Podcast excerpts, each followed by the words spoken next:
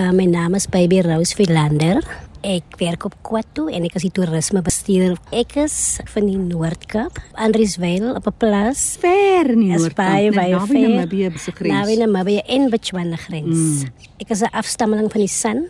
Hier bevind jy jou nou op die seeduine langs die Weskus. Hoe het jy hier beland?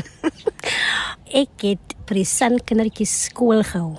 Toe ek 'n educate training kom loop en ek het hier gekom bly by Kwatu oor naweke en het ek 'n training geloop in Stellenbosch. Toe ek teruggaan na die Noord-Kaap toe, het hulle begin met 'n skooltjie op Kwatu en ek was die eerste een wat hulle kontak het om te kom om my kinders kom skool toe hier op Kwatu. 2004. amper al 20 jaar later. Ja, Dis 'n sanwoord, né? dis is San. Wat beteken dit? Dit is 'n nie-regeringsorganisasie. Kwatu beteken groot water. Die plus se naam was Groot Water en toe die plus ons nou begin in 2006 vir die toerisme, toe ons Groot Water vernoem na Kwatu, 'n sannaam. So die funders wat vir Kwatu gefund het, was 'n vroutjie van oorsee Switserland wat belangstelling gehad het in die sanmense. Die Kaapse planteryk is vasgevang in hierdie pragtige omgewing. Dit is 'n ervaring nie net vir die plaaslike mense nie.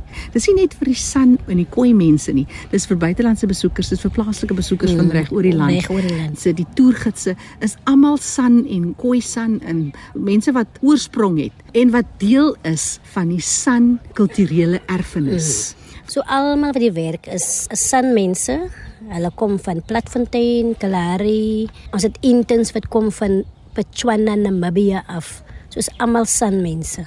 Omdat die plek is hier vir die sanmense om hulle stories te vertel aan die gemeenskap, aan die toeriste, om hulle te leer van ons heritage. Ons het drie pragtige museumgeboue wat baie inligting in het wat mense kan kom leer oor ons geskiedenis. Ons doen verskillende toere, plante, first people encounters, way of the sun en ons leer julle ook van die diere en die spore van die diere. Mm. Kosse uit ons tuine uit. En so gepraat van uit julle tuine uit.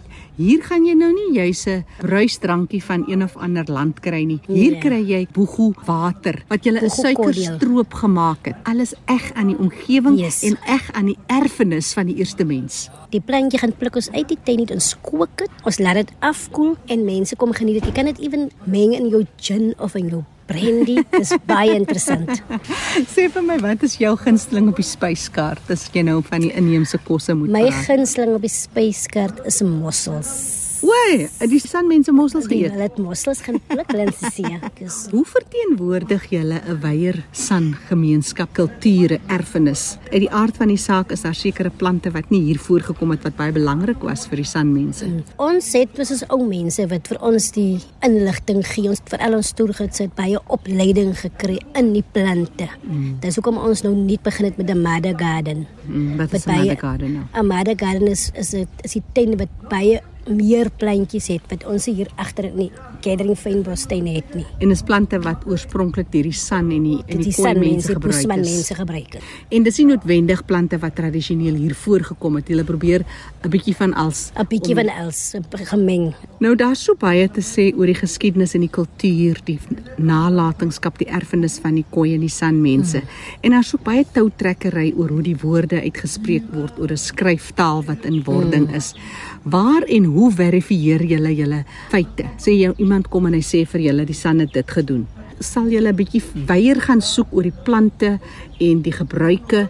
Hoe kry julle al julle inligting om uiteindelik hier te bied wat julle aanbied? Ons het verskillende professors wat ons mee werk wat baie kennis het oor voëls, mense wat baie kennis het oor plante, maar ons het self ons eie kennis van ons Ja. plante uit ons villages. So dis daai diversiteit van die koei en die san mm. erfenis wat jy hier wil vergestalt. Yes, en so leer ons maar by mekaar en ons kom ons van verskillende ja. stamme af. So leer ons van mekaar. Wat sou jy uitsonder is van die een goue draad wat deurloop het wat almal soort van mee kan assosieer? Vir my is dit nie volstreis eier, want dit word in ons gemeenskappe gemaak. Die ou mense maak dit self. Die interessantste ding is jy vat hy wit eier dop mm. en jy kook hom in diervet En hoe langer jy dit kook, kry jy 'n kleur, 'n bruin kleur, 'n swart kleur en so maak hulle juwele ervan. En hulle het ook daai volstres eierdop gebruik om die kind se gums, daai chip, so smeer mens gel in.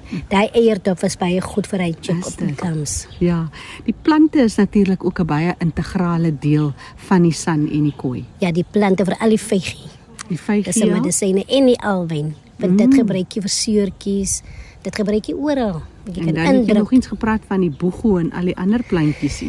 Die pogo, die wille als, die wille dagga, die rooibos, ons het 'n mengsel in die winkel te verkoop en dis goed vir alles. Ja, die plek is baie um, elegant. Hoe en wat maak julle om te sorg dat dit steeds vir 'n toerist van die buiteland, vir 'n toerist in Suid-Afrika, dat dit met hulle praat, maar dat dit tog aards bly? Wat baie spesiaal is van die plek. Jy kan kom afskakel in die natuur. Die mense kom terug en hulle kom terug. Hulle, hulle kom herhaal. Ek meen as jy een keer iets gedoen het, jy gaan hom nie weer wil doen nie. Ja. Net die feit hoe ons hom mm. tuislet voel Ja, in ja. ons sitkamer daarvoor.